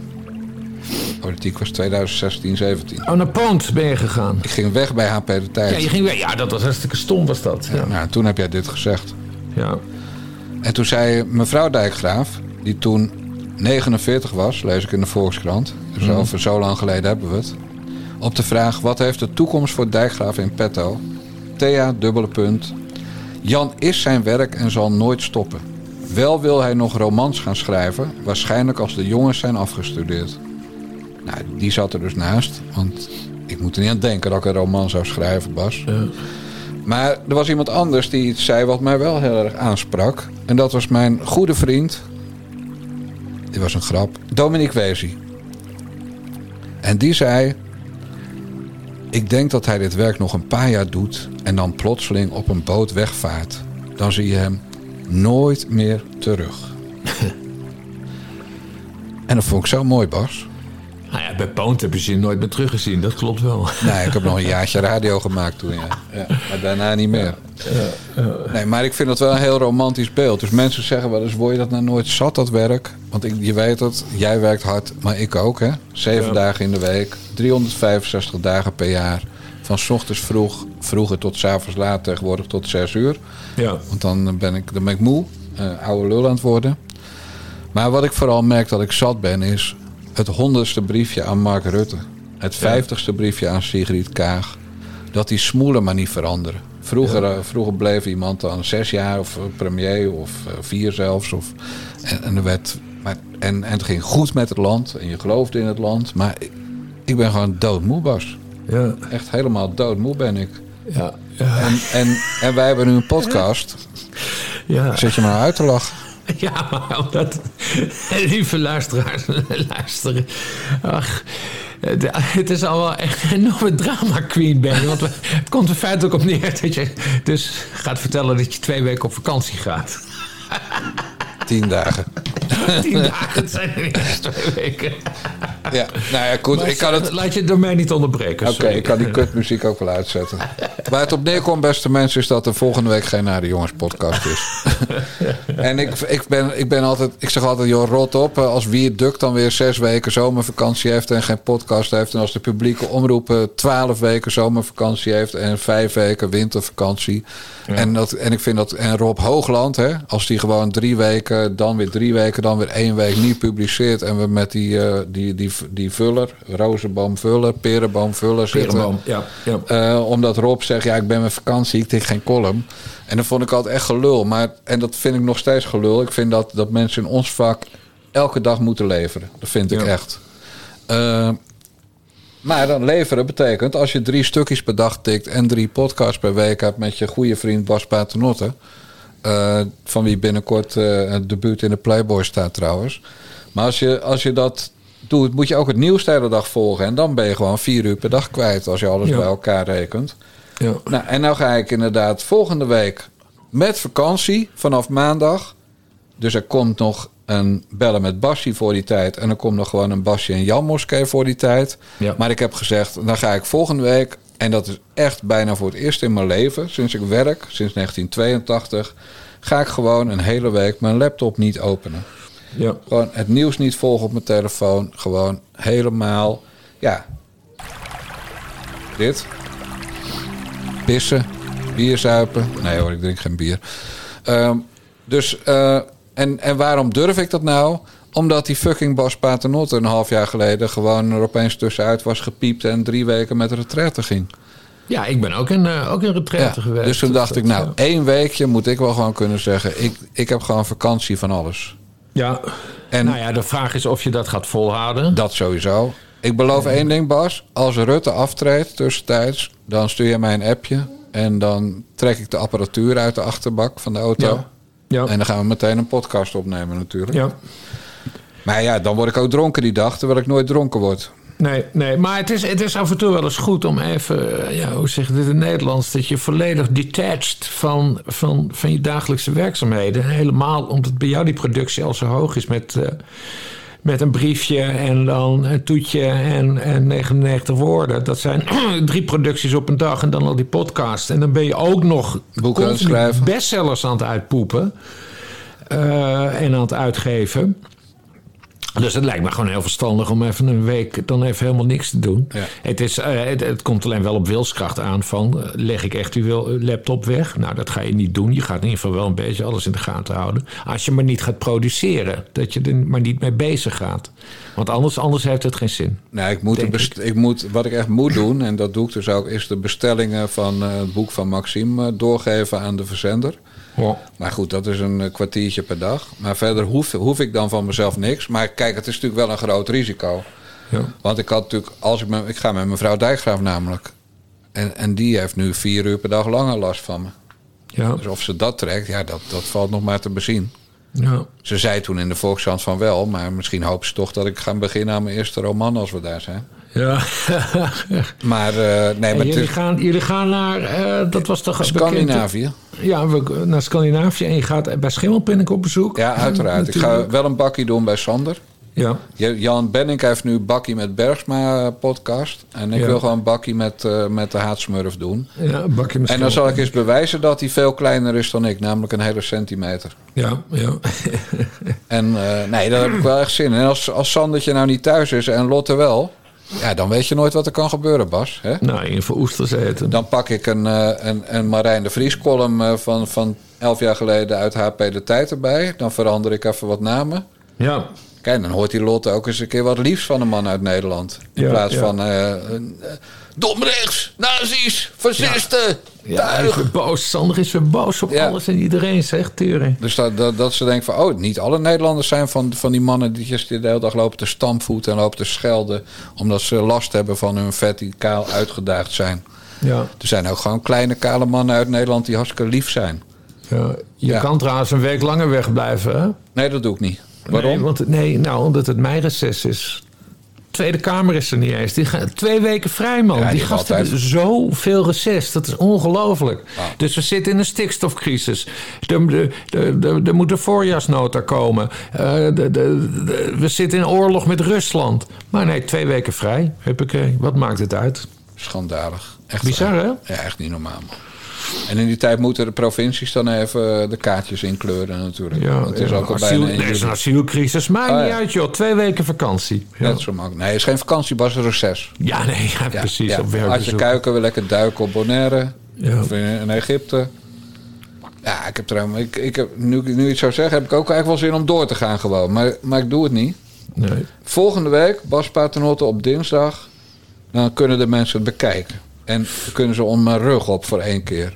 Ja. Maar zondag bij de Bassie en Jan Moskee. En tussendoor met bellen met Bassie. Laat ik onze abonnees via petjeaf.com slash naar de jongens niet in de steek. Dat is beloofd. In elk geval de komende week niet. En hoe het dan volgende week gaat, dat zien we dan wel. Eh, even drie dingen. Rutte aftreden, dan, eh, dan mag je dus gewoon bellen. Dan gaan we wel podcast maken. Je mag drie, jij mag ook nog wat kiezen. In welk geval we per se moeten bellen.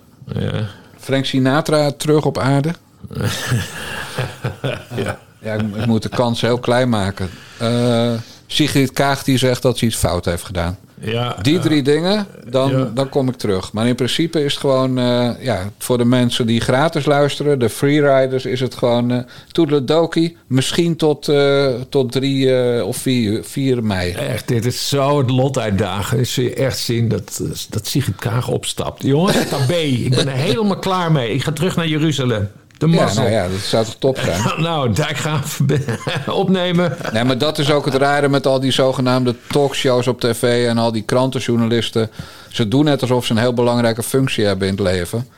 Maar, maar ze leven nog het schema van de jaren 60 en 70. Toen er inderdaad geen flikken gebeurde in, in het hele land en in de politiek. En er heel weinig crisis waren. Ja. Dus eh, als er vakantie is, dan is het opeens niet meer belangrijk dat die heel belangrijke talkshow-host Eva Jinek op tv is. Ja. En die is de helft van het jaar niet op tv. Kortom.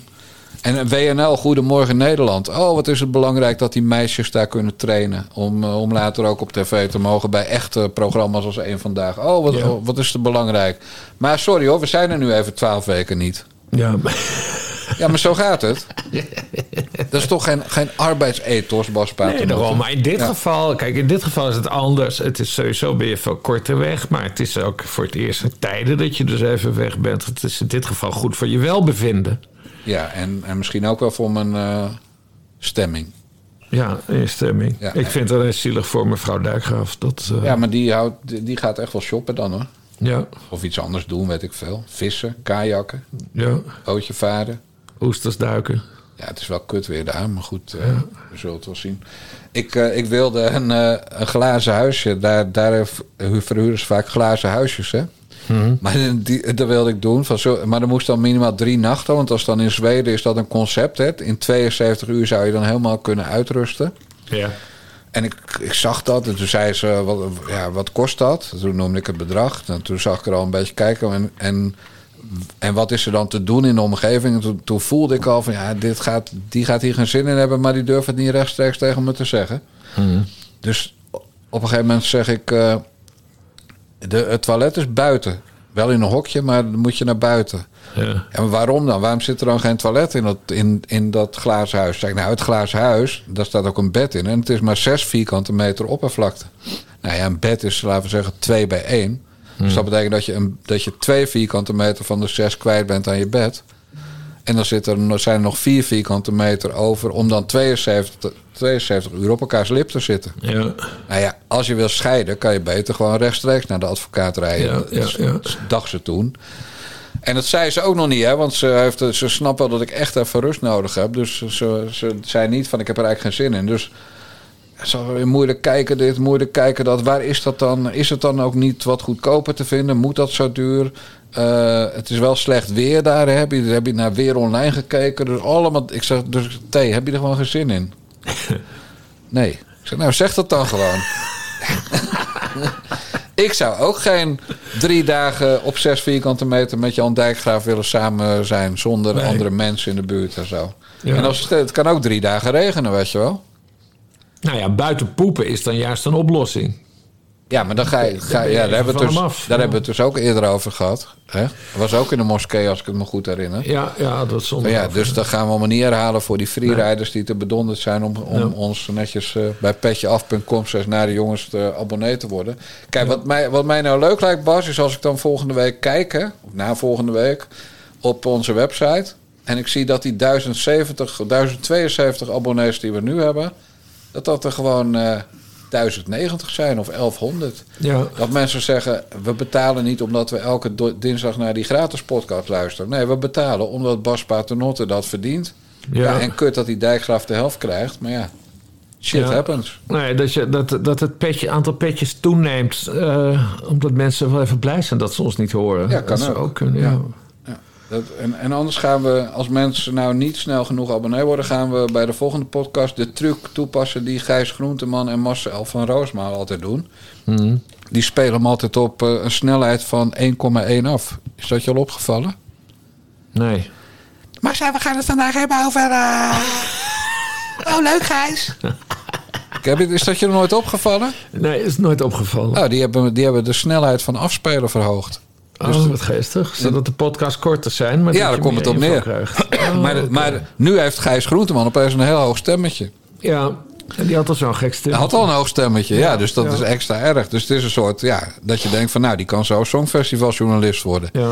Want die heeft ook zo'n, uh, hebben vaak ook zo'n stemmetje. Nou, ik, ik, vind, ik, ik weet het trouwens wel mooi gemaakt. Ik heb, ik heb, hè, we hebben nu dus dat doel voor 2500 petjes. Nou, voor, onze culturele podcast. Daarna komen we ongetwijfeld met een nieuw doel. de 10.000 5000, petjes. Maar ik, maar ik heb nu al een, een- het, het einddoel heb ik al. Bij 100.000 petjes stoppen we, beloofd. dan zijn jullie allemaal klaar, af van het hele gezeik. Gewoon 100.000 petjes afnemen en dan stoppen we, alstublieft. Ja. Ja, maar dan moeten ze wel een jaar abonnee blijven. Ja. Want dan hebben wij 4 miljoen euro bruto. Ja. En dan kunnen, hoeven we ook niet meer te werken. Gezien, Nee, gezien onze dat leeftijd. bedoel ik. Bij 100.000 petjes stoppen. ja. Ja, ik heb dat wel eens bedacht, hè, serieus. Ik zat toen bij zo'n eh, donatieplatform dat heet eh, Voor de Kunst. Dus dan Mhm. denk je, nou, daar zitten dan kunstenaars en zo. En toen heb ik ook bedacht van, ja, er zijn zoveel mensen die mijn bloed wel kunnen drinken. Als ik nou gewoon zeg, bij dat bedrag stop ik met alles. En Ja. zullen jullie nooit meer van me horen. Eh, maar, maar ja, ik weet zeker dat dat bedrag nooit gehaald wordt. Want ze hebben wel allemaal een tyfushekel aan je. De Peter Breedveldjes van deze wereld. Ja. Maar ze hebben er ook geen cent van voor over om je te laten verdwijnen uit Nee. het eh, discours. Nou, er zal ongetwijfeld wel een paar mensen zijn die geen- dan eh, daadwerkelijk geld gaan overmaken. Maar eh, kijk, ze vinden het ook, dit soort types vinden het ook prettig om zich te ergeren aan Jan Dijkgraaf. ja. Want als Jan Dijkgraaf voor een miljoen euro stopt met zijn briefje, ja, op wie moeten ze dan boos zijn? Ja, Bas Paternotte. Ja, dan. Maar ze gunnen het je ook gewoon niet. En dat is de pest. Bedoel, bij, precies. bij doneren gaat het om gunnen. Het gaat helemaal niet om betalen voor iets. Het gaat om het gunnen. Het is eigenlijk een fooi. eh, Een leuke fooi. Hè? Ja. Eh, prima bedrag ook, wat mensen betalen. Maar het gaat om gunnen. En ze gunnen mij wel dat ik nooit meer een stukje tik. En sommigen ook letterlijk, hè, dat ik dat nooit meer kan. Eh, breek maar wat. eh, of van Ja. me dood. Dat, Ja. dat zijn natuurlijk zat. Maar ze gunnen je niet een eh, bedrag dat je kan zeggen... nou, oké, ik, ik zal nooit meer ergens een mening over hebben in Nederland. Dat, Nee. dat, dat gunnen ze je gewoon niet. Dat vind ik best wel jammer. Ja. Want ja, dan zou ik namelijk een, onder pseudoniem moeten gaan werken. Ja. Oh nee, ik zou stoppen dan natuurlijk. Je zou echt stoppen ja, dan nee, natuurlijk. Ja, natuurlijk. Nee, maar dat is ook zo'n grap. Als jij nou morgen eh, wint in de staatsloterij, 2 miljoen. Ik weet niet of dat kan, maar stel. Zou je dan in staat zijn om te stoppen met werken? Nee, want dan, eh, dat is voor mij een uitzichtloos leven. Ja, want werk is jouw leven. Ja, ja. Nee, eh, natuurlijk niet. Nee, dat is uitgesloten. Nee, ik- Kijk, ik zou wel anders willen werken. Ik zou bijvoorbeeld eh, eh, minder stukjes willen tikken... zodat ik meer podcasts kan maken. Alleen nog podcast. Ja, Ja. dat zou wel een ideaal Ja, dat wil, ding ik zijn. ook, dat wil ik ook nog een paar jaar doen. Ja. Ja. En dan mijn wekelijkse column. En, en verder de rest vullen met podcasts. Nee, dat zou ik prima vinden. Elke dag een podcast en één keer in de week een column. Ja. Ja, wat hebben wij eigenlijk een luxe leven wij, hè? dat we daarover kunnen filosoferen. Er zijn ook mensen die gewoon elke dag naar de fabriek moeten. Ja, maar ja, goed, wat ook mij helpt is dat ik ook geen vak heb geleerd. Dus dat ik de mazzel heb dat ik... En ik, kan, ik ben niet eens goed in stukjes tikken... maar dat, dat ik toch een beetje iets in, die media kan rommelen. Ja, ijver is gewoon. eh, als je op, dat heb ik altijd gezegd tegen al die prutsers. Als je op tijd en op lengte levert, kan iedereen in de journalistiek geld verdienen. Ja, Want nou, de meeste mensen kunnen dat niet. Nee. En jij levert bijna altijd op tijd, behalve als je ontslag neemt. Ja. Maar goed, ik ben dan ook maar één keer in loondienst geweest. Ja. Dus dat, eh, ja. Dus de uitspraak: Bas is zijn werk en zal nooit stoppen. Die is wel op jou van toepassing. ja, absoluut. En dat zei mevrouw Dijkgraaf in 2012 over mij. Ja. Ik wil nog romans gaan schrijven. Nou. hey Bas, dus in principe vaar ik dus zeer binnenkort, namelijk maandag, weg op een boot. Ja. Dominique Wees, zei, dan zie je hem nooit meer terug. ja, maar goed, het is tien dagen en dan is, eh, is de kleine kale kapelmeester weer teruggekeerd in het vaderland, lieve luisteraars. Je weet nooit hoe een koe een haas vangt. Dus misschien zijn Casper, Jannie, Nico, Debbie, René, Bart, Wendy, Henny, Joff en Maarten wel de laatste nieuwe abonnees geweest van de Nare Jongens podcast. Hm. Zou zomaar kunnen. Ja, ik heb dus niet eh, gender kunnen tellen nu, want ik wachtte op de jingle, verdorie. Ja, nee, maar altijd, altijd dat vaste straminewerk van jou. Ja, maar ik ben als een Pavlov-hondje, hè? Dus dan eh, er gebeurt niks als ik niet de jingle hoor. Casper, Jannie, Nico, Debbie, René, Bart, Wendy, Henny, Joff en Maarten. Eh, vier vrouwen, vier vrouwen. Tenzij Henny ook een vrouw is, dan zijn het er vijf. Nou, we gaan, eh, wat dat betreft gaan we goed, Bas. Ja. Hey, eh, hup Feyenoord. Weg met Kaag. Weg met Rutte. Nou, dan eh, ben ik tevreden eigenlijk. Dan kom ik vrolijk terug en fris. Ja. Ik zeg, eh, dit was de 112e aflevering van de Nare Jongens podcast van Niva Radio. De 113e aflevering, die, die doen we niet volgende week. Wil je ook de Bellen met Bassie podcast en de Ecumenische Kerkdienst uit de Basje en Jan Moskee ontvangen? Abonneer je dan via petjeaf.com slash. En wat betreft de Nare Jongens podcast zelf, het gratis vehikel. Tot over twee weken. De mazzel. Doei doei.